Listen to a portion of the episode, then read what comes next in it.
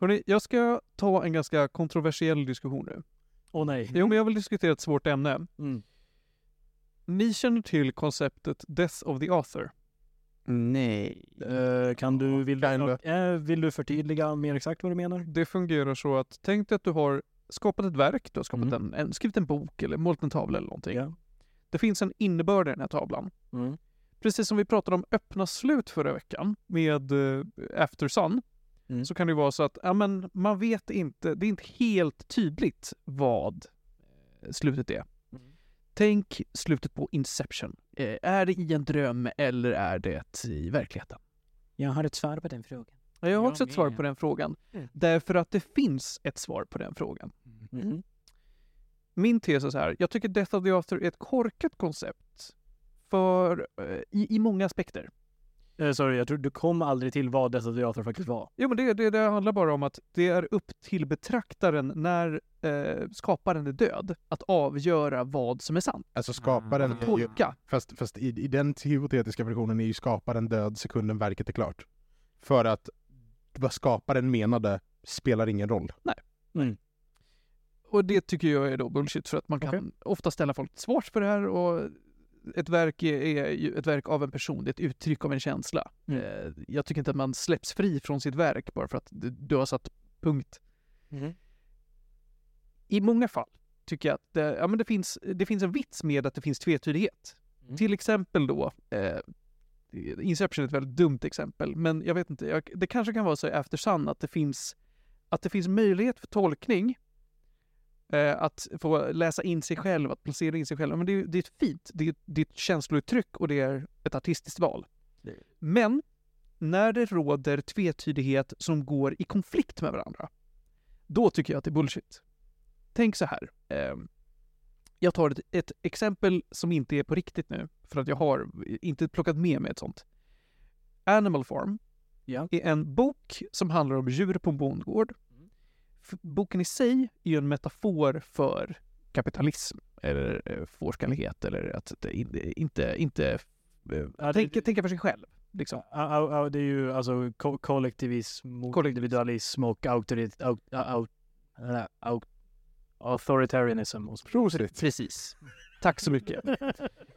Låtsas nu att eh, författaren med den här boken försöker säga kollektivism dåligt, individualism bra. Mhm. Låtsas att det finns möjlighet att tolka det tvärtom. Mhm. Individualism dåligt, kollektivism bra. Vi ska tänka som fåren. Mhm. De sakerna, alltså där slår de ju direkt konflikt med varandra. Ja. Man kan inte säga att ah, men det, författaren har nog menat eh, någon av dem, det är oklart vilken, det, det, det kan vara båda. Mhm. Det kan ju inte vara båda. De står i konflikt med varandra. Därför finns det ett rätt svar. Författaren har antingen sagt kollektivism bra, individualism dåligt, eller tvärtom. Och man har också kunnat gå och fråga, hej, vad menade du med det här? Precis som i Inception, du kan gå och fråga, hej, är det en dröm eller är det inte en dröm? Mhm.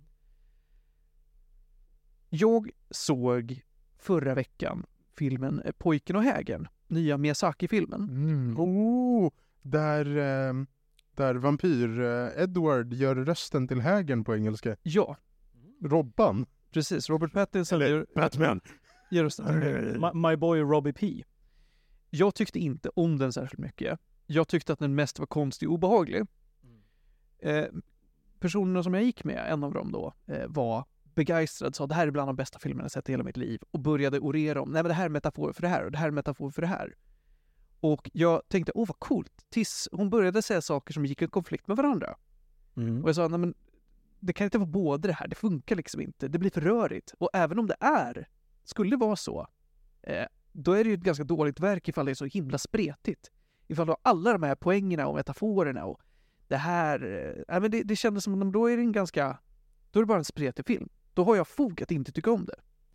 Men hon tyckte inte alls om det, för då, då claimade hon, nej men Death of the Author, jag får läsa in mig i vad jag vill. Och det är att jag kan läsa in mig i vad jag vill som är det som gör det bra. Här pratade vi då om att men antingen så handlar filmen om eh, krig dåligt, typ andra världskriget från, från eh, Japans perspektiv var jättedåligt. Eller så handlar det om eh, att öppna portarna mot väst när Japan i sekelskiftet 1800 till 1900-tal Mm. upptäckte just det, det finns en värld utanför som vi kanske borde kommunicera med. Mhm. Mycket av de grejerna de tog upp stod i direkt konflikt med varandra och jag sa "Nej, men jag tycker inte om det här. Du kan inte ha rätt och även om det, man kan göra som du vill så betyder inte det att det är så man har tänkt. Det, det finns ju två olika typer av konflikterande tolkningar av en film. Mm. Det finns den varianten som är till exempel en film kan både säga eh, det, finns bra, det finns bra aspekter av krig och det finns dåliga aspekter av krig. Det är inte mutually exclu- exclusive. Nej. Utan du måste, det måste ju vara att en film å ena sidan säger det här som helhet är X och samtidigt på en annan plats säger det här som helhet är Y. Då är det ju en total motsägelse. Men du, du, du känner då alltså att den här filmen hade det senare nämnda av dem? Ja, framförallt när den inte handlar om krig eller att öppna portarna åt väst. Mm. Alls. Ingenting av innehållet har med det att göra. Den utspelar sig under andra världskriget. Mm. Men det berättar en historia om något helt annat. Typ som... Ja, nej men, nej, men det, den, Alltså Animal Farm är väl en ganska bra liknelse i så fall? det är det. Jag, jag tycker Animal Farm är en väldigt bra liknelse där. Du gömmer dig under ganska många lager. Så att först ska du fundera på vad är det här en metafor för och sen vad är budskapet? Mm. Då blir det rörigt. Ja. Så min tes är helt enkelt att det, jag gillar inte konceptet Death of the Author. Jag tycker det finns brister i det och jag tycker också det är eh, det, när det ofta finns ett sätt som är rätt. Bara för att det finns sätt du kan tolka det på så finns det fortfarande ett rätt. Ja. Mm. Jag, jag menar, jag håller med om att det finns fall där Death of the Author inte funkar. Mm. Men som ett koncept, alltså ett, ett koncept kan ju funka i liksom 70% av fallen Mm. och det är fine. Men i 30% så funkar det inte. I guess. Jag säger inte att jag ogillar tvetydighet eller öppna slut eller något sånt där. Jag Mm. gillar ju att det ska finnas saker som är öppet för tolkning. Det är just när saker står i konflikt med varandra som så här, men det finns ett rätt, sluta tolka. Mm. Jag tänkte ju lite på ja, ett, ja, ett exempel på motsatsen till det, typ uh, ja, men three, three billboards. Just det. outside Ebbing, Missouri. Det är, liksom, det är ett helt öppet slut egentligen. Eh, men det, det spelar ingen roll hur man tolkar det. För det är, så här, det är egentligen inte relevant vad man tror kommer hända efter slutet så att säga. Det som är relevant var liksom manuset i sig, vad man fick uppleva under filmens gång. Det var, det var, det, det visar, filmens intention var aldrig att ge ett definitivt svar. Och den gav aldrig ett definitivt svar. Och då liksom, ja, ja, fine. Ja, jag tycker ju personligen, alltså jag, jag motsätter mig Death of the Author, inte för att det blir filosofiskt jobbigt när det är öppet för tolkning, utan bara för att jag tycker att det är jättetöntigt med konst som inte anstränger sig nog för att faktiskt ha en mening. Alltså förstår du vad jag menar? Jag, jag tänker att någon baktanke har man ju. Jag, kan, jag, jag, Och då får jag man väl- vad du då får- menar. Då får man väl lägga energin och resurserna på att få folk att förstå den, annars har man bara kommunicerat konsten dåligt. Jag vet Vi- inte om det alltid gäller. Nej men det här, det här ingår i min större ideologi om Ja. att konst ska vara elitistiskt och allt inte kan vara konst. Mm. Eh, och, och sånt som inte klarar av att kommunicera en mening är nog dålig konst. Det är, men det är bara min åsikt. Mm. För det är så jag föredrar att få konst serverad. Men, men, då, men då är också en fråga om eh, vilken grupp ska eh, behöver konsten eh, tillfredsställa för att det ska få, ra- för att få vara konst. Till exempel den här filmen. Om Martin tycker att nej men det här uppfyller inte, men Martins kompis tycker ju men det här uppfyller. Vem har rätt och vem har fel? Ja. Alltså antagligen person nummer tre som tycker att Animal Farm handlar om att fläsk är gott. Både rätt och fel. Allt annat är någonstans däremellan. Mm. Jag vill bara få säga på annat sätt, jag tycker att det kan vara en konst i sig att, att eh, skapa den här tvetydigheten. Att, att skapa någonting som är öppet för tolkning är ju en skicklighet, en färdighet. Så att det i sig kan ju vara konst. Eh, Det behöver ju inte vara så att nej men jag har inte skrivit ett slut för jag pallar inte, det för tolkning. Mm. Då är det ju då är det jobbigt, men det är ju inte, alltså, det, det är ju ett undantag och kanske inte regel i det här fallet. Men jag, eh, när det kommer till pojken och hägern så tyckte jag att om jag lyckas få en metafor att fungera, om jag kan tolka det på ett sätt, i mitt fall, så om, om det här handlar om att öppna portarna mot väst, då tycker jag att den växte lite i mina ögon. Jag förstod den inte där och då för att den var spretig och obehaglig. Mm. Men jag kan ändå säga, ah, okej, men om det var det här och jag kan läsa in mig i det, ja men då så, då blev den lite bättre. Men om den inte är det, då tycker jag automatiskt att den är sämre. om den inte ger mig den här tillfredsställelsen av, det var det här den handlade om, Mm. då kommer jag bara inte tycka om den. Och det är allt jag har att säga om den saken. Ja. Och här kommer introt.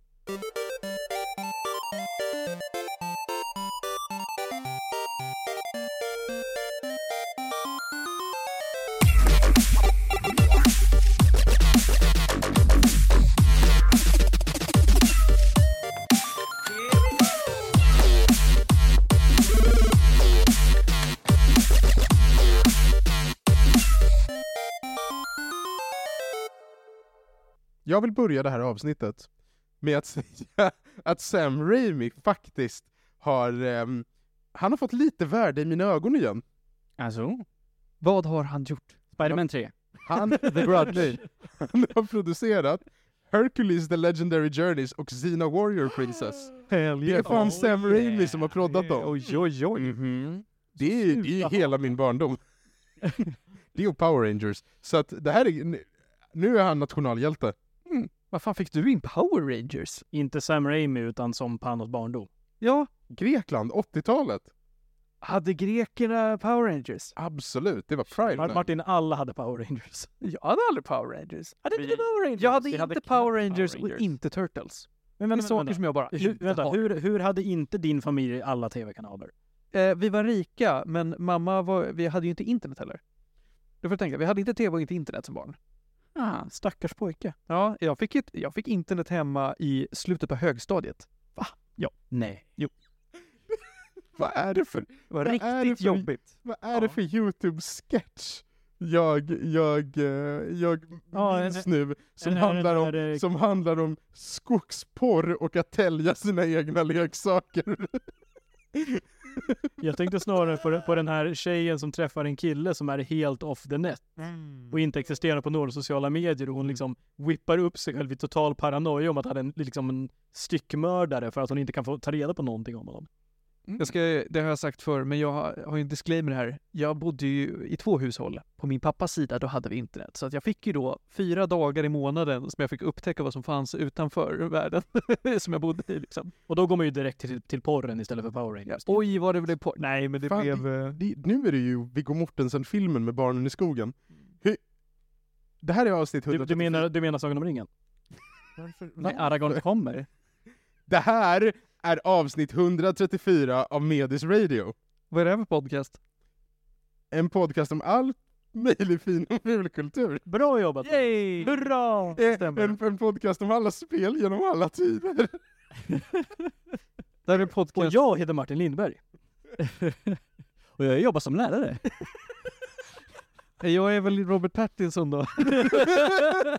Tyvärr kunde ju inte Ariana Grande dyka upp i det här avsnittet. Nej, tyvärr. Hon ställde in. Hon sa vi kan boka om. Jag håller på att reda ut det här med fisk. Och, På en veckas tid har Johan adopterat en hund, lärt den att prata och gett bort den till cirkusen. Ja! Vad himla kul. Den kunde säga så jag mycket. behövde. Mm. Den Du sa kan, du Edvard köpa den där nya datorn. Nej, jag sa, jag gav bort den till cirkusen. Nej men han fick ju pengar för den ändå. Han gav bort den och sen gav de honom pengar för den. Ah. I två separata transaktioner. Just det, som när man ska sälja öl på skogsrave. Exakt. det här är inte, det här är inte... En det här, transaktion. Det här det är här är donationer. transaktion. Ja precis, det är två separata donationer. Konstapeln, vänligen gå härifrån. Det här är en podd där vi recenserar film, spel, tv-serier, serietidningar, manga, anime och brädspel. Ja. Och vi bryr oss inte om när de kommer ut riktigt. Vi kör det som vi kommer över. Eh, hörni, det har varit jättekul på sistone därför att vi har fått så mycket interaktion från våra lyssnare. Det är jättemånga som har hört av sig och sagt att vi är bra. Det är många som har sagt att de tycker att det är kul, kul program. Eh, så att det är jättekul att få höra och det får ni jättegärna fortsätta med och gärna till och med säga när vi gör dåligt. När vi inte, när vi inte vet vad en fladdermus är för någonting. Eller en fisk. Eller fisk. Då tycker jag att ni skriver till oss på Facebook och Instagram, det heter Medis Radio. Och sen så tycker jag att man mejlar oss på medisradio.gmail.com. Ja, fick vi något svar från din marinbiolog-vän? Kom- Ska han ta reda på det här med fiskar? Ja, han, han, han pluggar tyvärr fortfarande. Ah, Ah. han kan Eh. ringa Ariana Grande. Ja, nej, jag, jag ska rekommendera henne som, eh, som co-author på, på, det, på det, den avhandlingen. Nej men alltså så här, så här. Nu ska vi prata om vad fiskar. Nej, men fan. Jo men det här är, det här är, väldigt, det här är väldigt kortfattat, det här är väldigt kortfattat, okej? Väldigt kortfattat, för att Hawaiis universitet har en hel sida dedikerad till det här, okej? Såklart det är Hawaii. Okej, okej. Fishes are picilothermic, det betyder att man har samma temperatur som omgivningen. Em, aquatic chordates, alltså ryggradsdjur, with Mm. appendages when present developed as fins, whose chief respiratory organs are gills and whose body is usually covered with scales. Mhm. Problemet med det här är temperatur, Mhm. boendemiljö, Mhm. ryggrad, Mhm. gälar, eh, fjäll och fenor. Ja. Och för alla sex kategorier finns det regelbundna undantag inom det som kallas fisk. Och därför finns inte fisk. Ja. Nu är vi klara här. Mm, så. Mm. Hörni, eh, jag vill bara fortsätta hypad. Snälla hörni, om ni lyssnar på oss, se till att visa att ni lyssnar på oss. Snälla. Ja, men snälla, för det är, det är så svårt eh, med det här med att vi vill ju växa som podcast. Eh, och det, det gör man inte utan att eh, lyssnarna hjälper till. Eh, så att vi vill inte ha era pengar, vi vill bara ha er uppmärksamhet. Det är så vi jobbar. Just nu i alla fall, sen får vi se 100 avsnitt senare, då kommer jag sitta här och bara okej, Raycon Air earbuds. Raid Shadow Legends. Ja, får vi se. NordVPN. Om det blir så, då vet ni att det finns en knapp som heter spola fram 30 sekunder. Ska vi försöka se till att de här adsen är väldigt skippbara. Eh, så får vi pengar utan att ni ska behöva lida så mycket. Hörrni ni, eh, vi har en dagordning. Vi har jättekul saker att prata om. Jag har spelat ett spel. Jag har spelat två spel till och med. Ett med er och ett själv. Jag har spelat Subnautica Below Zero, Ah. uppföljaren till Subnautica. Fan, de här har jag velat komma igång med. Jag har bara Det- inte nått dit än. Nej. Du, vet du vad? Felix har ju lagt upp sådana här videos om hur man kommer igenom sin Eh, det bästa sättet för dig att bli effektiv, det har ju visat sig vara sjukdom, så att vill du ha lite struma eller borrelia så det Det är bara att han går in i labbet och bara... ja, lillo, lillo, stopp. Tjena grabbar, har, har ni något roligt här inne som man kan få prova? kanske? Ja, nej, tack men nej tack. Klart man provar och stoppar in dem i eh, frysen med glasspinnar. kan man ta ut dem sen och bara slicka på. Ja. Mm. Mm. Ah, Smakar borrelia. Mm. Hörrni, sen har ju vi spelat spel också. Vi har spelat igenom Trine 5, A Clockwork Conspiracy. det har vi faktiskt. Mm. Wow vad vi har spelat det. Ja, gud vad vi har spelat. Ja, jävlar. Fan vad vi har spelat det. Jag känner mig utanför. Sen så Ludvig, du har eh, sent om sidor kommentarer på Band of Brothers. Ja. Här är en serie som jag inte har kommit till skott med ännu. Men du kanske kan motivera mig att flytta upp den lite högre i Det, tror, priolistan? det tror jag nog jag kan göra. Mm. Och sen Johan, du ska eh, hoppa ner i brädspelshörnan den här veckan. Ja. Ja, det blir Targi. Targi. Mm. Ja, Targi. Targi. Targi ska jag prata om. Det är det spelet, Targi. Yes. Ja. Eh, jag börjar direkt med Subnautica. Hörrni, eh, hur många här, Panos vet vi, men har Ludvig och Johan spelat Subnautica 1? Ja. Jag har sett folk spela det, så jag har bra kunskaper om, om vad det liksom går ut på. Jag har varit inne i det tio minuter efter att ha laddat ner det på Epic Games Store. Mm. Ja, det var ju gratis än. Det var mysigt. Ja, det är fantastiskt. Eh, Subnautica är ju ett av de här spelen som jag brukar lyfta för att säga det finns inget spel som... Mhm. Mm. Och det finns inget spel som Subnautica. Det är väldigt unikt och det är nästan bara till dess fördel. Jag har nu laddat ner och köpt ett, ett indiespel som heter Dave the Diver. Det har jag hört mycket bra om. Jag vet. Mm. Som är ett spel där man spelar en tjock man som på dagarna dyker efter fisk och på kvällen driver en sushi-restaurang. Mm. Och det tänker jag kommer vara lite som Subnautica. Lite grann. Ja, Men eh, då kom ju ändå Dave the Diver efter Subnautica. Exakt. Ja. Det skapade en... Alltså det, det var unikt när det kom då, sen kanske det finns spel som har inspirerats av det. Ja, Som en typ Minecraft. Du menar att eh, Minecraft har kommit och sen kom andra spel? Eller menar du att Minecraft har inspirerats av Subnautica? Nej, tvärtom. Tvärtom. Sub- Subnautica har inspirerats av Minecraft? ja. Ja. Ja, okej. Alltså, jag, jag, alltså jag menar, Ma- Minecraft drog igång hela crazen med survival-spel, Mm. resource gathering, Ja. Mm. crafting, så det. I guess. Sure, Ja. sure. Men det, det den gör är i sig unikt, ja. Helt klart. Jag har svårt att likna Subnautica med typ Rust. Känns väldigt olikt. Det var väl typ det här spelet uh, Rafts tror jag det som kom efter Subnautica. Ra- Uff, Raft. Det kommer jag ihåg. Mm. Det var det folk som spelade på YouTube. Eh, Subnautica är ett spel, vi har nog recenserat det i Medis Rages tror jag. Det har vi. Ja, jag tror jag. Eh, kan inte minnas när, men ja, ja. Det var fan länge sedan, vet du Det riktigt länge sedan. Det är ett spel där du kraschlandar på en planet som till stor del täcks av vatten. Du dyker runt och samlar på dig resurser, konstruerar byggnader och eh, verktyg för att ta dig djupare ner i vattnet och upptäcka eh, olika sätt att ta dig från planeten kan man väl säga. Eh, med mera. Subnautica Below Zero heter ju inte Subnautica 2 av en anledning. För att från början så var det tänkt som en expansion till Subnautica. Mm. Sen blev det så stort att det blev ett standalone-spel. Det här är inte spelets fördel. Åh nej. Subnautica Below Zero är inte jättebra. Det är inte dåligt, men det är inte jättebra. Vad är annorlunda?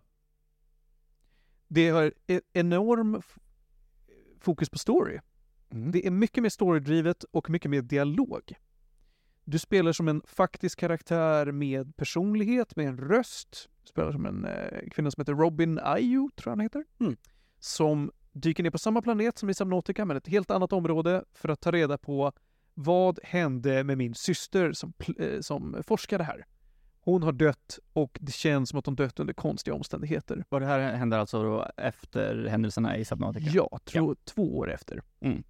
Då man har kommit tillbaka till den här planeten. För att eh, det var ju då... Eh, ja, det var inte en planet man ville hänga på i det första spelet. Nej. Eh, du frivilligt kraschlandar på den här planeten, men du är fortfarande ensam. Du bygger upp en bas och du ska dyka runt väldigt mycket. Det som är annorlunda i det här då, förutom fokuset på story, är att du är väldigt mycket mer på land. Och ni hör ju below zero. Det är kallt som fan, så du springer runt i snötäckta landskap. Det här är också till spelets nackdel. För det är antingen svårt som fan att se för att det är snö och snöstorm. Eller när det är klart så ser all glaciär eh, snarlik ut. Det är inte alls lika i ögonfallande miljöer. Subnautica 1 hade så många olika biom som var så här, ja men det här är distinkt. Ja, allting sticker ut väldigt mycket. Här finns det betydligt färre biom, både ovanför och under vatten, och det flyter ihop mycket mer. Spelet Not intended. Ja, jo, visst. eh, spelet är mycket kortare, för att som sagt det var tänkt att vara en standalone expansion. Du dyker inte lika djupt, det är mycket mindre content. Eh, och mycket av de byggnader och den utrustning du har, det känner vi igen. Och det är ju så nedskalat. Det är så pass att du kommer väldigt långt på det du hittar inom den första timmen. Ah. Eh, det var en väldigt...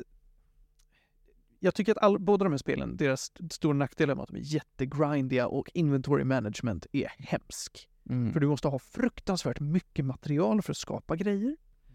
Och att hantera alla de olika materialen som finns är jobbigt för du måste förvara dem någonstans. Och du måste verkligen eh, pain, painstakingly eh, flytta ett föremål från plats A till plats B och eh, lägga in dem i skåp. Och det, till slut så, det enda jag hade när jag spelade framförallt det här spelet då var ett rum som jag hade byggt fullt med bara förvaringsskåp och en crafting bench. Det här påminner om något.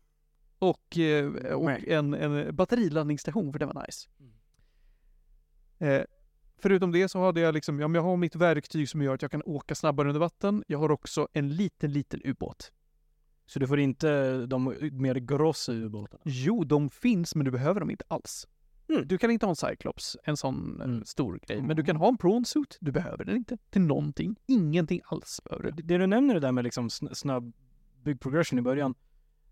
I isolering låter det lite rimligt för det är typ ett av två sätt man kan lösa det faktum att hej, du har uppenbarligen kommit tillbaka med liksom av egen vilja till den här planeten. Det känns väldigt dumt om du skulle vara tillbaka på ruta noll. Mm. Absolut. Så antingen typ, ge, antingen typ blästa ner huvudkaraktären med en basic bas och så släng in lite nya grejer du kan bygga.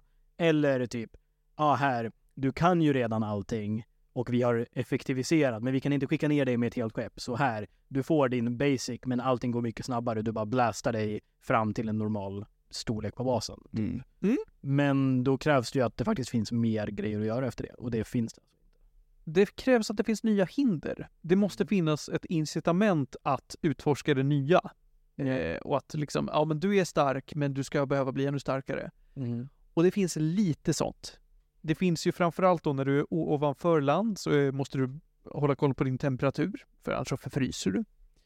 Eh, utöver det är det verkligen inte mycket.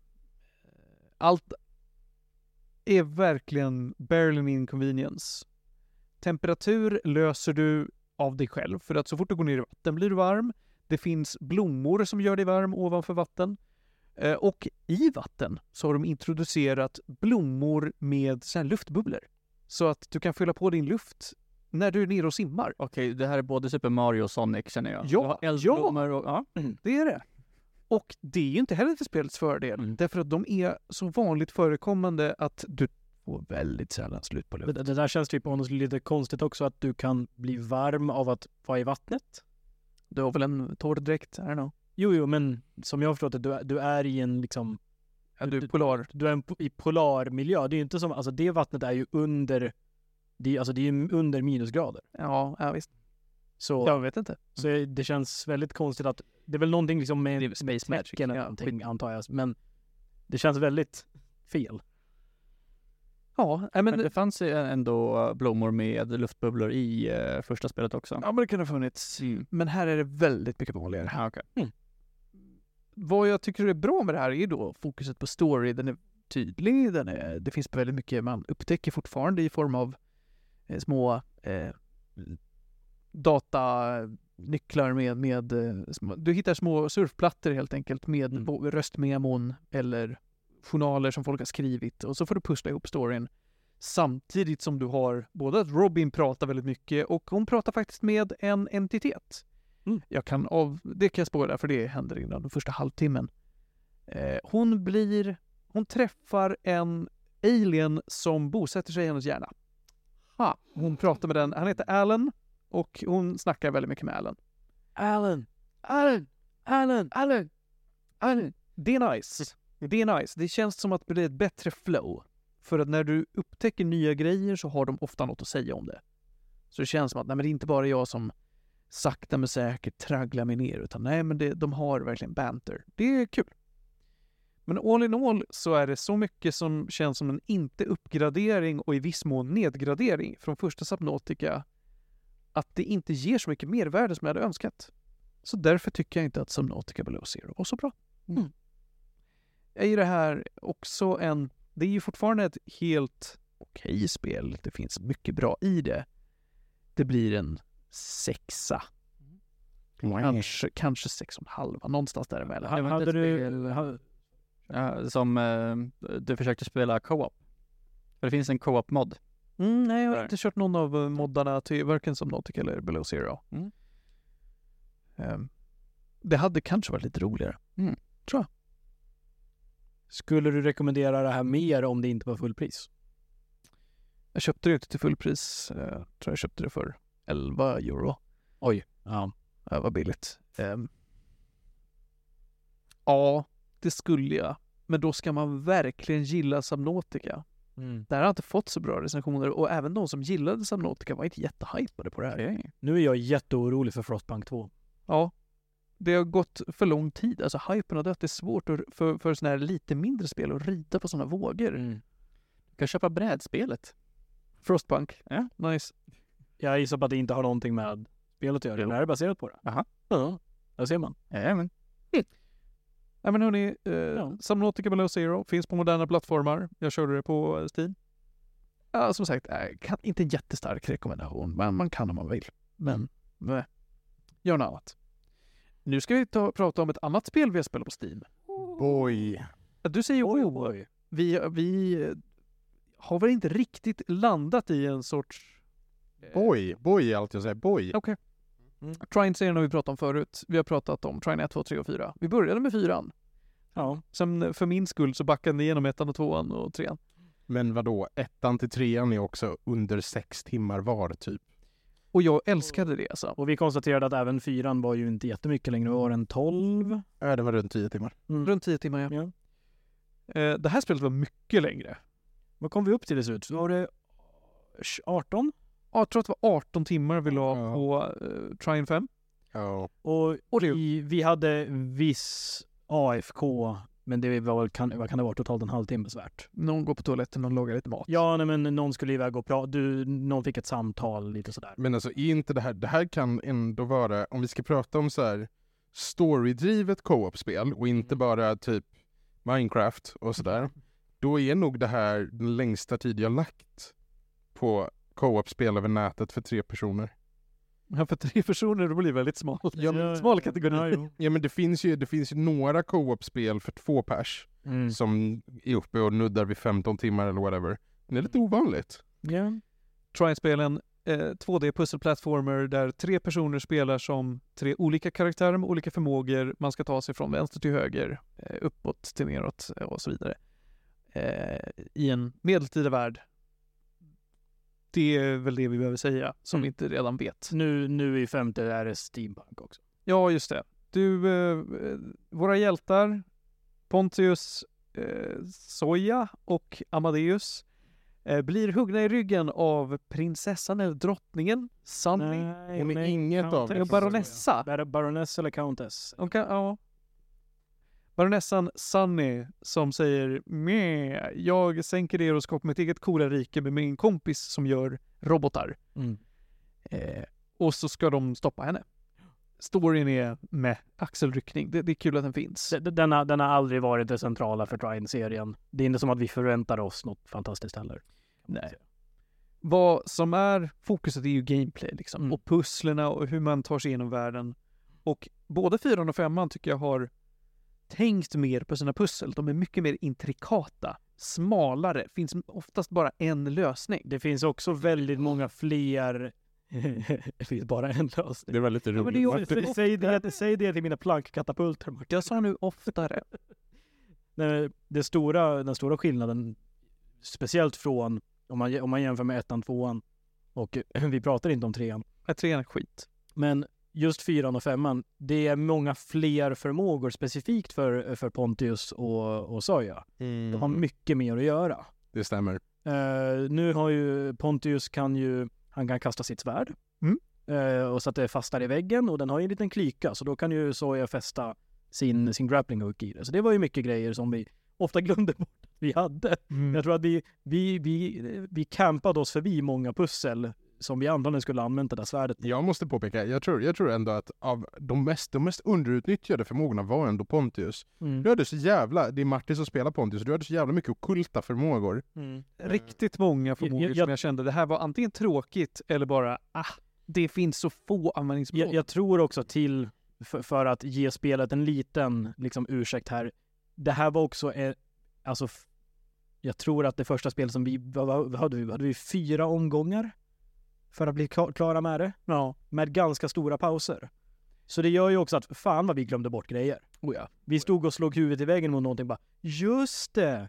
Ponticus kan ju kasta sitt svärd. Han kan skapa en liten klon av sig själv. Eller precis, ja men precis, han kan skapa en liten klon som kan springa igenom galler. Mm. Och det var sådana där grejer som, vi står så länge och tänker, vi är ju helt, det här går ju inte på något sätt. Och så är det egentligen bara att, ja men det var en vecka sedan vi spelade sist, vi har glömt bort vad alla kunde göra.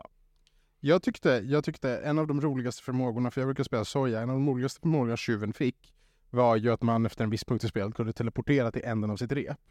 Och så, Mm. De gav mig den förmågan, Mm. någonstans nivå 12 eller något.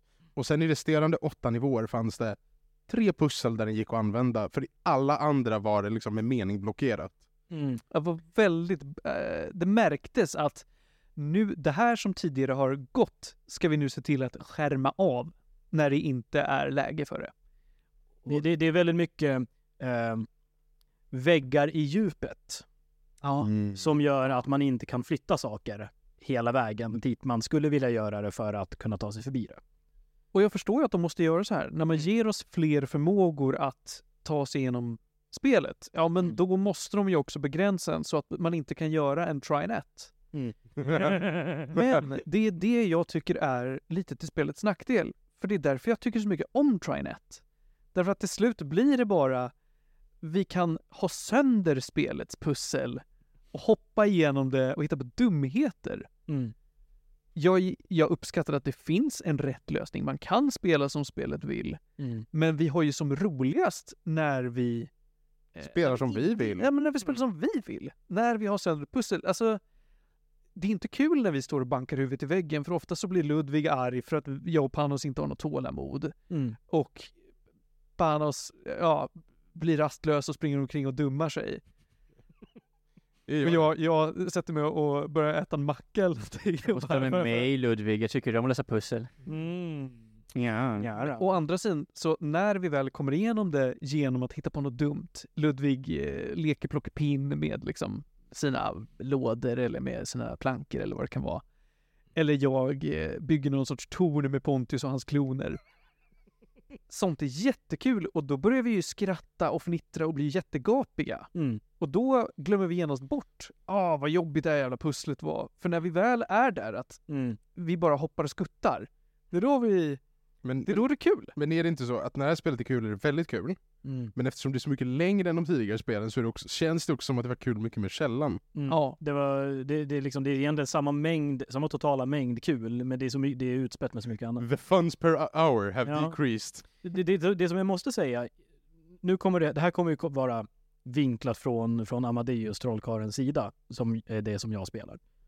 Han hade överlägset roligast, eh, alltså Trine 4 var absolut roligast när det gällde att spela Amadeus. För de tidigare Menar du spelen- fyra eller fem nu? Fem. Ja. Fem. Eh, fyran gjo- gjorde vissa förbättringar. Men eh, jag tror det, det enda som fyran gjorde bättre var combat. Eh, för Amadeus är erkänt kass i combat, men fyran gav honom lite roligt. Men femman ger möjligheten att, att fästa eh, plankor och eh, bollar och eh, lådor. lådor i varandra Mm. och även ibland i terrängen, men ofta inte i terrängen. Det var väldigt, det var ant- antingen behövdes det spikar eller väldigt speciella material som inte var all, all, alls tydliga när det gick eller inte. Det var någon gång som vi, typ, som vi gjorde det av misstag, när, någon gång när vi stod och slog huvudet i väggen. Och bara, aha, där kunde man tydligen fästa den. Det var ju bra att det signalerades. Men sen kan man också, Inte. en av, de, en av de roligaste grejerna då var ju sen att man kan få eh, plankor och bollar och eh, lådor att ignorera Gravitation. gravitationen. Inte på det sättet att de svävar i luften, utan att när de kommer fortfarande falla neråt. Men det finns ingen, det finns, de har inget momentum i sidled, i rotation. De kan inte roteras. Så du kan alltså sätta en planka i 45 graders vinkel och bara hänga den på en kant och den kommer inte glida av den här kanten. För, för spelet behandlar den som att den ligger helt platt. Det ska, alltså det, jag- det jag tycker sammanfattningen är att så här, i det här spelet så var det oftast med just Amadeus förmågor man kunde cheesa grejer, när man väl skulle cheesa grejer. Och för en gångs skull fick du också vara med i combat. Nej. Kinda! Mer än tidigare! Nej. Mest i fyran. Riktigt! Ja, det roligaste jag kunde göra i femman var att ställa mig på min stålboll, chargea upp den och sen rulla in i mobs. Du kunde också skapa typ så här exploderande kuber, det är bara att du aldrig gjorde det. Nej, jag, jag kunde inte, nej nej nej, jag kunde inte skapa exploderande kuber. Det som krävdes var att jag behövde stå och hålla den här kuben jättelänge och sen behövde jag ta fram den till en mobb och Panos behövde skjuta på den. Ja, en exploderande kub. Men det, men, det, men det enda som hände när jag gjorde det här var att Panos skrek på mig Ludvig sluta, dina kuber är i vägen. Det stämmer. Alltså, hela spelet combatmässigt, det är ju så dumt att det finns combat, men det, är, det lättaste är ju bara att ni går ur vägen och låter mig stå och veva på folk. Mm. Alltså, det, ta det. Pa- Panos står och skjuter och Ja. Martin får stå och veva och skydda. Mm. Det jag möjligtvis kan göra, jag, jag brukar ställa mig i ett hörn och bygga en liten koja. Det märktes ju på ett par bossfighter, för tyvärr hade det här spelet mycket bossfighter. Märktes på ett par bossfighter där alla tre verkligen behövde vara aktiva åtminstone i att dodga, att det blev svårt att koordinera sig. Oh, ja. Det, är inte, det, det här är verkligen inte spelets bra sida. Jag tyckte dock inte att det bara var dåliga bossfighter i det här spelet. Det fanns några som jag tyckte, ja men det här är nice. Jag, jag, förutom, den, förutom den bossfighten som eh, buggade ur för oss. Mm, Det, var nog för, det är nog första gången som vi legit, eh, eh, ja, i alla, alla de här spelen tror jag, jag, jag, trean kan säkert ha varit trasig. Men vadå, trean gick ju sönder mitt i. Ja. Men, Kommer du ihåg den jävla vattenhissen? Ja, vattenhissen, true. Men Trine-spelen, de är liksom generellt stabila i att det, det, det är svårt att försätta, alltså spelet låter dig inte försätta dig i en situation där du inte kan komma vidare. Mm. Men vi lyckades på något sätt faktiskt göra det på en bossfight. I att vi lyckades typ bugga ur en av bossens mechanics. Så den bara gjorde den aldrig. Och så vi fick, vi fick stänga av hela spelet. Vi fick bara hoppa ur och eh, göra om banan. Mycket okaraktäristiskt för en finsk produkt. Mm. Mm. Det fanns en del kul, men jag tycker du verkligen sa det bra med det kul, det roliga är utspätt. Mm. Eh, Det, topparna blev sällan toppigare. Mm. Det, jag tycker fortfarande att jag tänker tillbaka på Trine 2 tror jag som det roligaste för just hur mycket, hur långt det var, hur mycket kul vi hade, hur mycket Mm. hur trasigt det var. Ja, Att det gick på typ fem timmar. Ja. Mm. Fan vad roligt. Så kan man ju rekommendera det här? Ja, jag kan väl svagt rekommendera det. Det är Mm. kul med co för tre pers. Men det, blir, det är fortfarande inte, det är inte det bästa. Det har inte blivit bättre Mm. bara för att det har blivit mer. Det, det är typ ett sånt där spel som skulle... Mycket, mycket av det roliga var koncentrerat i slutet. När vi hade allting. Mm. Alltså i alla fall så kan jag säga som Amadeus. Det dröjde ganska länge, ganska väldigt bra tag innan man fick koppla ihop eh, sina, koppla ihop sina blocks och få dem att ignorera rotation. Eh, och fan vad mycket roligare jag hade. Jag byggde katapulter till, till Panos och Martin och jag byggde skålar för att eh, fånga vatten och super mekaniskt vi egentligen skulle bygga en fin jämn bana för vatten att, ringa, att rinna längs för att vattna en växt. Men jag bara fångade upp lite vatten och skvätte det på växten. Med, med, all respekt, med, med all respekt Ludvig märktes det också på många av de pusslen att det var absolut inte så det skulle lösas. Medans du envisades satt vi och andades i fyrkant. Så att det, jag fattar att det är skitkul för den som spelar Amadeus. Men man får, alltså det är högmod. Mm. Man ska inte ha så mycket abilities på en karaktär. Är vi redo att ge Trine 5 några gäddor? Ja. ja. Alltså bara för att jag får spela med er så är det här nog ändå en solid åtta. Mm. Det är kul att spela med boysen. Ja. ja alltså jag tycker... Alltså... Mm, det är svårt. Jag tror, jag tror alltså en, en sjua. Mitten sjua kanske. Jag säger också att det är en sjua. Mm. Så jävla kul var det inte, men att man spelar med boysen Mm. och de topparna som finns. Det, det är ju fortfarande det, alltså i särklass det, det, det, det bästa liksom tre personers pussel vi har spelat. Oh ja. Det är en ganska, det är en ganska smal genre, men det funkar perfekt för oss. Kul hörni! Bra grejor. Bra grejer. Nu så är det dags att gå vidare i, i uh, kalendern höll jag på att säga. Ja. Och Mm. hitta en segway mellan Trine 5 och uh, Band of Brothers om du kan. Ja. Jo, ehm, i, um, i, tri, i Trine 5 så, fin, så är ju den här, eh, de, de, de två main baddies, det är ju någon, det är den här bar, baronessan och så är det någon snubbe som bygger massa robotar som ska slåss för dem. Några andra som, eh, som, bygg, som byggde mänskliga robotar för att slåss för dem, för sina egna intressen, det var ju eh, ledarna av länder under andra världskriget. Snyggt. Ursäkta. Okej, mm. vi går vidare. Ja, Ja, en ja, mekanisk armé till en mänsklig armé. Mm. Jag, jag har sett färdigt Band of Brothers.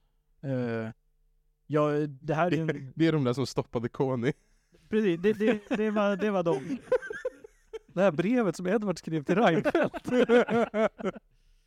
Ja. Eh, det här är ju en serie från tidigt 2000-tal. Right? 2001 släpptes den va? 2001. Mm. Mm. Hur många Eh, säsonger är det? Den, eh, det är bara en säsong. Det här är en miniserie. Oj! Det är, Så det här är en avsnitt. miniserie på tio avsnitt, eh, kring en timme långa. jag tror jag tittade på det här förra året. Vi har Mm. pratat om det i närtid och sen har Felix också visat intresse för det här. Men ja, mm. Mm. Eh, och det här det, det är en välkänd serie. Eh, länge eh, var det här enligt IMDB världens bästa tv-serie. Sen så kom... The Blue- Wire. Sen, nej, Blue, The Wires är, ligger bra till men den är typ på femte plats. Okej. Eh, för det, det du har just nu är ju att du har Breaking Bad på toppen. Sen så har du ehm, Blue Planet. Blue Planet? Nej. Eh, Planet Earth. Den med uh, Den med- Sir David David Attenborough. Attenborough. Eh, Precis. Mm. Är det Planet Earth? tror jag. ja. Planet Earth 1 och 2 är på... Eh, Heter är det inte på Our Planet? Jag vet inte. Ja. nej, det är, det, Our Planet är någon nyare. Ah, Okej, förlåt. Anyways, det kommer, då kommer då ett och två av dem och därefter har du Band of Brothers Okej. i nuläget. Den här eh, serien eh, handlar om den 101 fallskärms, eh, f- fallskärmskompaniet. Eh, som- 506 Fallskärmskompaniet. 506? Ja. Eh, ja, 101 divisionen. 101 divisionen. Förlåt. Mm. Sorry, det, det är många siffror.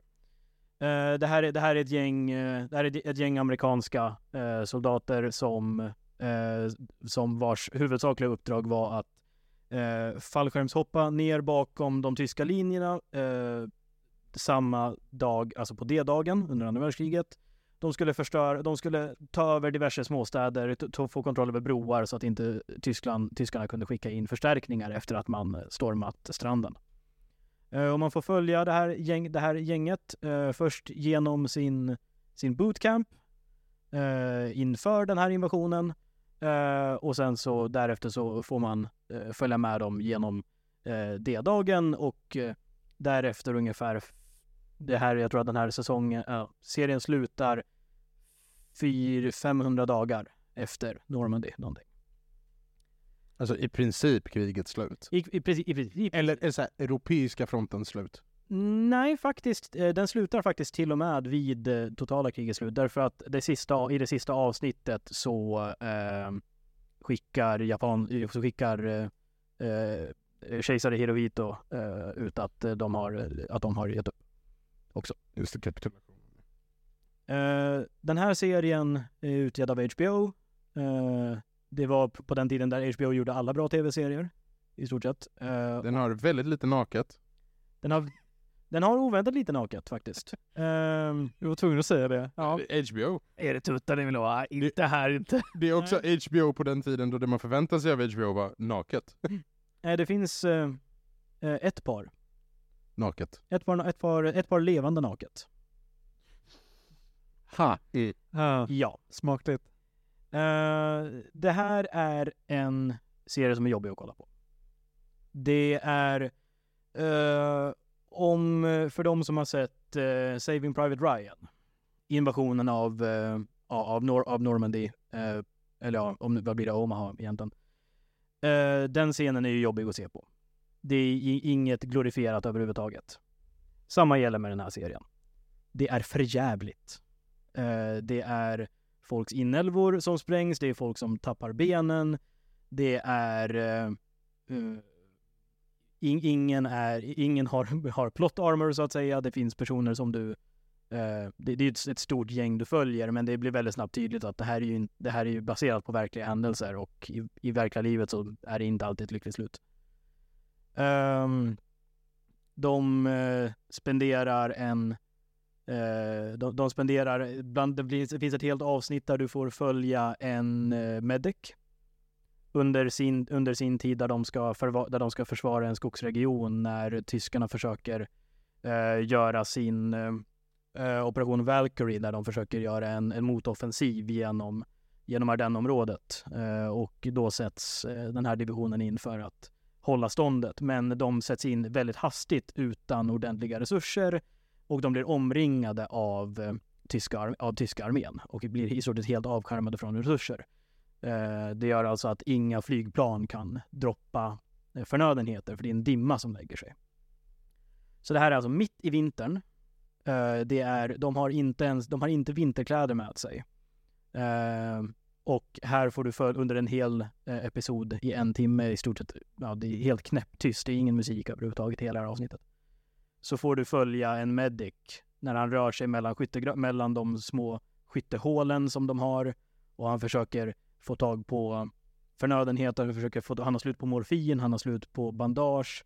Han får ibland röra sig tillbaka till den närliggande staden så där sjukhuset bara fylls upp med fler och fler döda.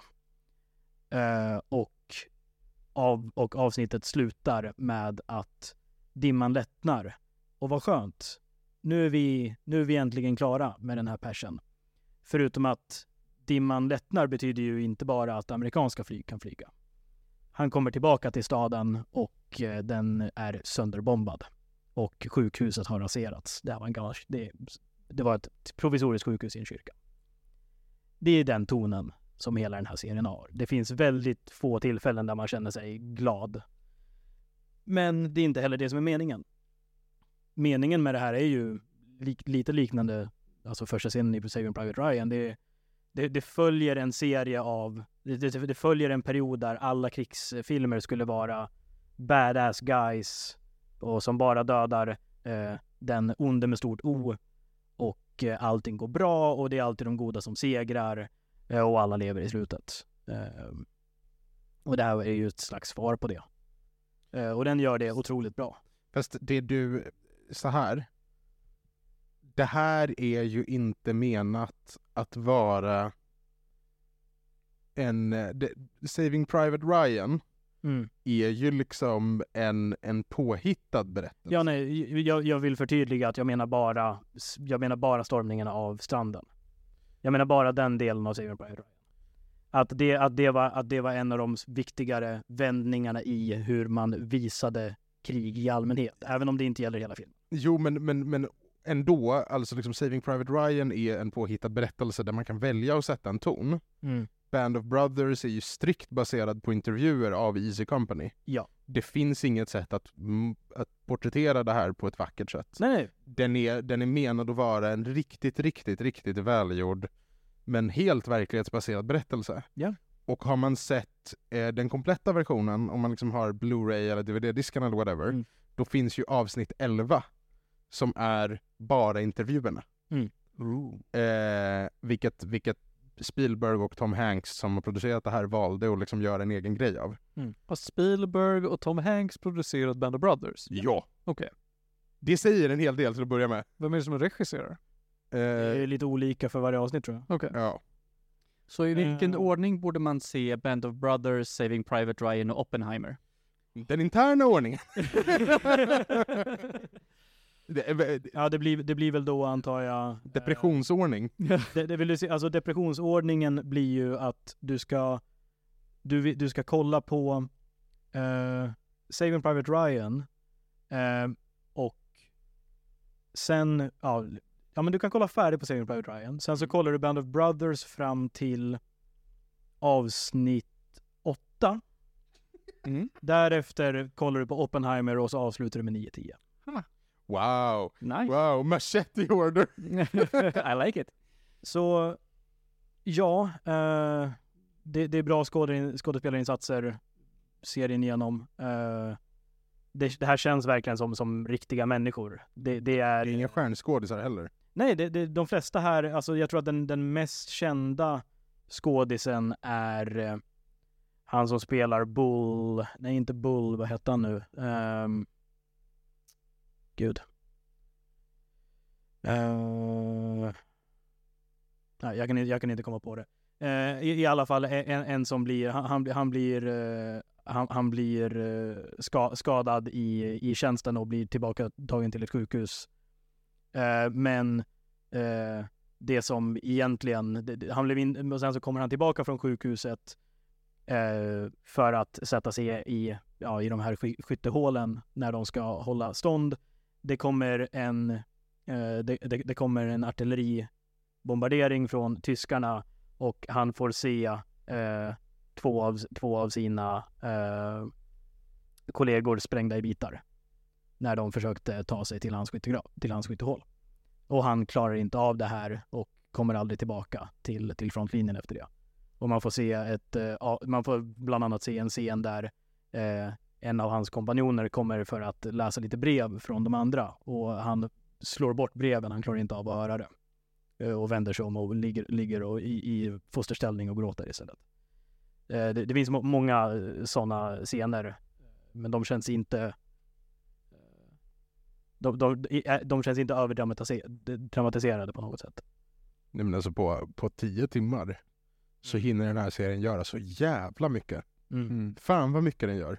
Ja, det, det, det, det, är ju, det är ju verkligen nonstop. Det finns väldigt lite, det, det, det, som är vila i den här, eh, i den här serien, det är sista avsnittet.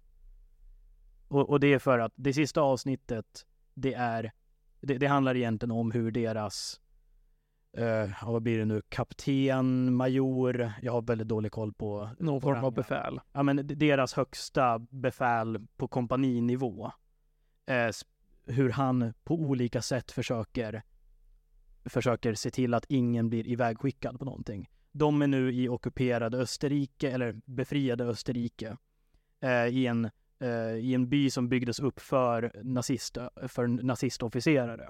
Så efter att de har liksom eskorterat ut alla nazistofficerarna så är det bara den här byn kvar. Bland annat Görings, eh, Görings hus med en typ eh, vinsamling på några tusen flaskor. Så soldaterna har inga att slåss mot, de har bara massa alkohol att dricka och ingen fiende längre. Och deras major gör bara allting för att hålla dem borta och han hittar på alla möjliga ursäkter för att skicka hem dem. För det fanns ju ett system där du behövde ha antingen ha fått en utmärkelse eller ha blivit skadad för att bli hemskickad. Men det här är ju fortfarande när japanerna inte har gett upp. Så de sitter ju och väntar på att bli skickade till, all, till öhoppningskampanj Till Stilla havsfronten. Stilla havsfronten. Och han sitter bara och försöker, och så fort han kan försöker ge alla ett pass för att komma därifrån så att de slipper det. För han har sett för mycket vid det laget. Ehm, ja. Eh, det finns även ett, eh, ett helt avsnitt dedikerat till när de fritar ett eh, koncentrationsläger. Det är inte lätt att kolla på alls, på något sätt. Eh, om man, eh, jag skulle, alltså det här är det, det, det, är, det, det är den delen av Schindler's list som inte visades. För det hade varit för extremt att göra även i Schindler's list. Oj. Så jobbigt är det att kolla på. Men, eh, ja. Det här är en serie alla borde se. Det är lite samma som Schindler's list, det är en film alla borde se. Eh, det är inte för att det är någonting du kommer tycka om att se på. Men det är för att det är någonting man behöver se. Eh, det en, den enda kritiken jag kan komma på är att jag önskar att jag hade fått se eh, för det, det, de blandar ju ut stor, alltså den ja, liksom utageringen av vad som händer med intervjuer av, av de faktiska personerna. Jag önskar att de hade kunnat sätta deras namn direkt. För i, speciellt i början, de, de nämner lite namn på, ja, men, på sina kompanjoner. Men jag har fortfarande inte fått, alltså, kunnat liksom placera vem som är vem. Så det hade hjälpt väldigt mycket om jag bara fick se, vem är det som pratar nu? Jaha, ja men då kan jag få, från kontext förstå att du är den här personen. Det är först i sista avsnittet som, jag får, som man får se allas namn. Uh, och jag tror att det hade, det hade kunnat hjälpa lite. För jag, för jag tror att jag, jag skulle nästan vilja se om intervjuerna bara för att nu, nu när jag vet vem som är vem och jag vet vilka de är i, i sina yngre versioner också. Det är det enda dåliga jag kan komma på. Det här är en 10 av 10 serie, rakt av.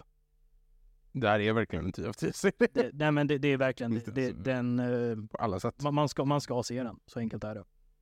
Man, man ska göra det en gång för man kommer inte vilja se den mer efter det. Jag tror det ligger på HBO va? Finns på HBO, finns även på Netflix. Numera. Mm. Sen finns det en follow-up-serie som heter The Pacific. Eh, som jag har förstått inte var lika uppskattad. Mm. Ehm, inte riktigt gjord av samma människor heller. Nej. Rimligt. Gjord 2010 liksom. Väldigt så här, se... Alltså spin-off-känsla. På något som egentligen bara är väldigt bra och det är synd att man behandlar det så. Mm. Band of Brothers, Ja, perfect score. perfect score. Fem av sju. Kommer ni ihåg vad kul vi hade när vi pratade om Trine? nu har jag dragit ner stämningen ordentligt här. Nej, det är därför jag drog ett litet skämt för att se ifall vi kunde få upp den igen. För att gå från något så tungt som krig och död i ett fjärran land så ska vi prata om brädspel. Ja. Och jag vet inte vad det är för tema på Targi, men jag hoppas att det är något mer lättsamt än vad Band of Brothers har för tema. Alltså det är ju öken. Aj, aj. Ja. Det är mer lättsamt. Det är Robert Broberg hela vägen. Ja, okej. Eh, yes, så Targi är ett uh, tvåspelarspel. Eh, som ja, bara två spelare. Eh, som går ut på att man ska bli den bästa ja, men, köpmannen egentligen. Och hur gör man det? Jo, man har, det är alltså ett kortbaserat spel. Så du bygger en ram eh, med, eh, med kort Och inuti har du eh, korten som kommer egentligen användas i spelet, vilket är resurser eller eh, vad ska man kalla de korten? Är det target-kort? Eh, tror jag. Eh, så eh, det man gör är att man har tre figurer var som man då sätter på korten på sidorna. Eh, och sen får man korten som ligger i mitten beroende på hur de, eh, ja, där de korsar varandra Mhm. helt enkelt. Eh, och målet med spelet är att man eh, ska bygga en så kallad tablå. Det är en tablåbyggare och en worker placement. Kan gå in på vad det betyder sen. Eh, där du då, eh, ja men, bygger kort med antingen ja, fyra palmer eller en annan target, en, en brunn till exempel. Eh, och sen i slutet vinner den som har mest poäng. Väldigt exotiskt. Eh, det som är fascinerande med det här spelet, det är just att du försöker, du tävlar om korten i mitten genom att placera dina figurer runt om. Eh, vanligtvis i ett worker placement så tävlar man ju om, ja men jag går hit först. Eh, och sen så har de tagit den platsen. Eh, Medan eh, om jag kanske vill ha ett kort i mitten så går jag, ja men till ett kort som kommer korsa den, men då kommer min motspelare bara app, app, app, app. Då går jag hit, som där eh, då, då skulle ha korsat. Så fan, måste jag ta ett annat kort. Eh, du har också en tjuv som springer runt på brädet. Mhm. Eh, eh, som då sätter sig på kort som du inte kan gå på. Och var fjärde runda så sker en liten raid va. Vi Bara öken. snabbt, den här tjuven, är den kontrollerad av spelare? Ja, jag skulle fråga samma sak. Ah, bra fråga. Eh, den är snarare en eh, runda markerare.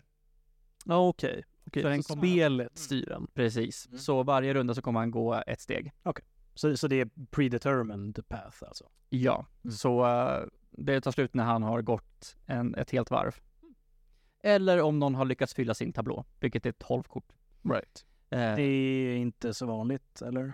eh, ingen av oss har eh, klarat det på, på det viset, för det finns en hel del sätt att få poäng i det här spelet. Det är dels att ja, men, bygga dina tablåer som gör att du får poäng i slutet. Mm. Eh, men du kan också under spelets gång eh, då trada in de olika resurserna, vilket är peppar, salt, dadlar och guld.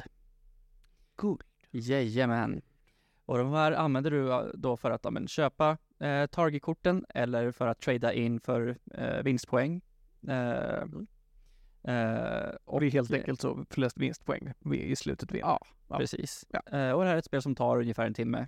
Okej. Eh, och eh, ett, ett spel som man inte behöver ja, men, tänka för mycket när man eh, spelar. Eh, så jag tycker det är, det är riktigt nice. Eh, ja, men, lite senare på kvällen, man känner så här, ah, eh, ska vi spela någonting? Ja men vi kan spela Targi. Mm. Så, ja. Just det, och, och det heter Targi och utspelar sig i öknen och handlar om dadlar och salt. Mm, För att det är ursprungsbefolkningen tuareg-stammarna man spelar som. just Ah. till och med. Var är det någonstans då? Marocko va? Marocko? En av mina favoritbilar också. Marocko. Volkswagen Ja. Touareg. Mm, jag, jag älskar Marocko-bilen. Ja. Jag föredrar Ahlgrens bilar faktiskt. Ahlgrens Marocko, nu med dadlar. Den veganska varianten. Ge dem inga idéer för guds skull. Det här låter som 70-talet alltså. Mm. Mm. Nu ska vi prova afrikana. ja, det är väl sånt där de har i Afrikaland. Vad är det här för någonting då? Det är spiskummin. Alltså det, det, det, där, det där låter ju snarare som 50-tal. Rösten, Ja, rösten är för ljus för att man... ja, jag, jag, jag försökte väl... Grattis Sverige! Ja, men det är inte Westman. Det är inte... det är ett eget årtionde. Jag kommer inte riktigt ihåg hur Tore Wretman låter, men jag försöker få till en sån här, inte journalröst på det här sättet, utan det är väl mer någon som pratar rikssvenska och som ska förklara vad som finns i det svenska köket. Ja, det här, Ja. det här tycker jag var bättre. Mm. Här någonstans. Medan du funderar på det där så kan jag säga att eh, det är ett spel som är designat av Andreas Steiger. Okej. Eh, utgivet av Du blev så nedstängd där Martin. Ja, du, jag tyckte det var roligt. Ja. Eh, Ja, vi går vidare. ja, men jag, jag fastnade mellan två tankar. Jag bara, okej, ta den, nu kör vi. Ja. Men du Johan, bowling? Åh herregud. Där har vi en anime. Jujutsu Kaisen som jag just nu tittar på. Eh, yes. Andreas Steiger, så det. Ja. Mm. Jag vet inte vad han gjort eh, mer än det här. Eh, det finns en expansion till det spelet som jag inte har testat än, Mhm. men som eh, ger eh, eh, vatten som resurs och även en eh, motsvarande pjäs till tjuven som är en targia, vilket är en kvinnlig targi, Mm. Mm. eh, som är en bonus här när man går till henne. Mm. Tolka det som ni vill. Sus.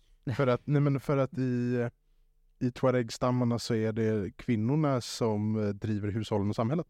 mm. Det, är, det här är jättefint, det är ett kulturellt känsligt spel om öknen. Men vi pratar bara om att ligga. Kan inte vi vara nöjda? Du vill bara köra bil. Jag vill bara köra bil. Mart- Martin vill åka till, till, tu- till de här, till tuaregstammen och säga Tjena grabbar! Jag trodde du skulle säga något helt annat. Är, är, är, är, är, Jag ville frånsäga mig allt som Ludvig har. är, är det ni som har den där bilen? Kan jag få, kan jag få köra lite? Är det ni som har den här bilen? Ja. Jag vill åka ner dit, ta deras guld och äta deras dadlar. Eh, nej men det här är ett spel som eh, jag ger ja, men, åtta dadlar av tio. Oh, Wow! Det är många daddar. Det är Är mycket det- dadlar. Mm. Är det just det här med hur att det inte är så komplicerat blandat med och att det, det, du fick det att låta som att det kan bli en ganska annorlunda upplevelse från gång till gång. Mm. Just för att ja, men det är ganska mycket random grejer som händer och många sätt att plocka victory point på. Ja men det tycker jag. Finns det någon annan grej som är så här, men det här sticker verkligen ut? Ehm, inte mer än det som jag eh, redan har nämnt eh, med det att du försöker ta kort som ligger i mitten genom att du placerar dig runt. Mm. Så det, det är verkligen det som sticker ut med, med det här spelet. Eh, det, och det gör det roligt att eh, men, strategier att blockera varandra från vad man tror att eh, de andra ska göra. Och så, så bara, haha, nu går jag hit, det är inte så bra för mig. Eh, men jag tror att jag kommer att blockera dig. De bara, aha, går du dit? Ja, jag ska hit ändå. Man bara, fan!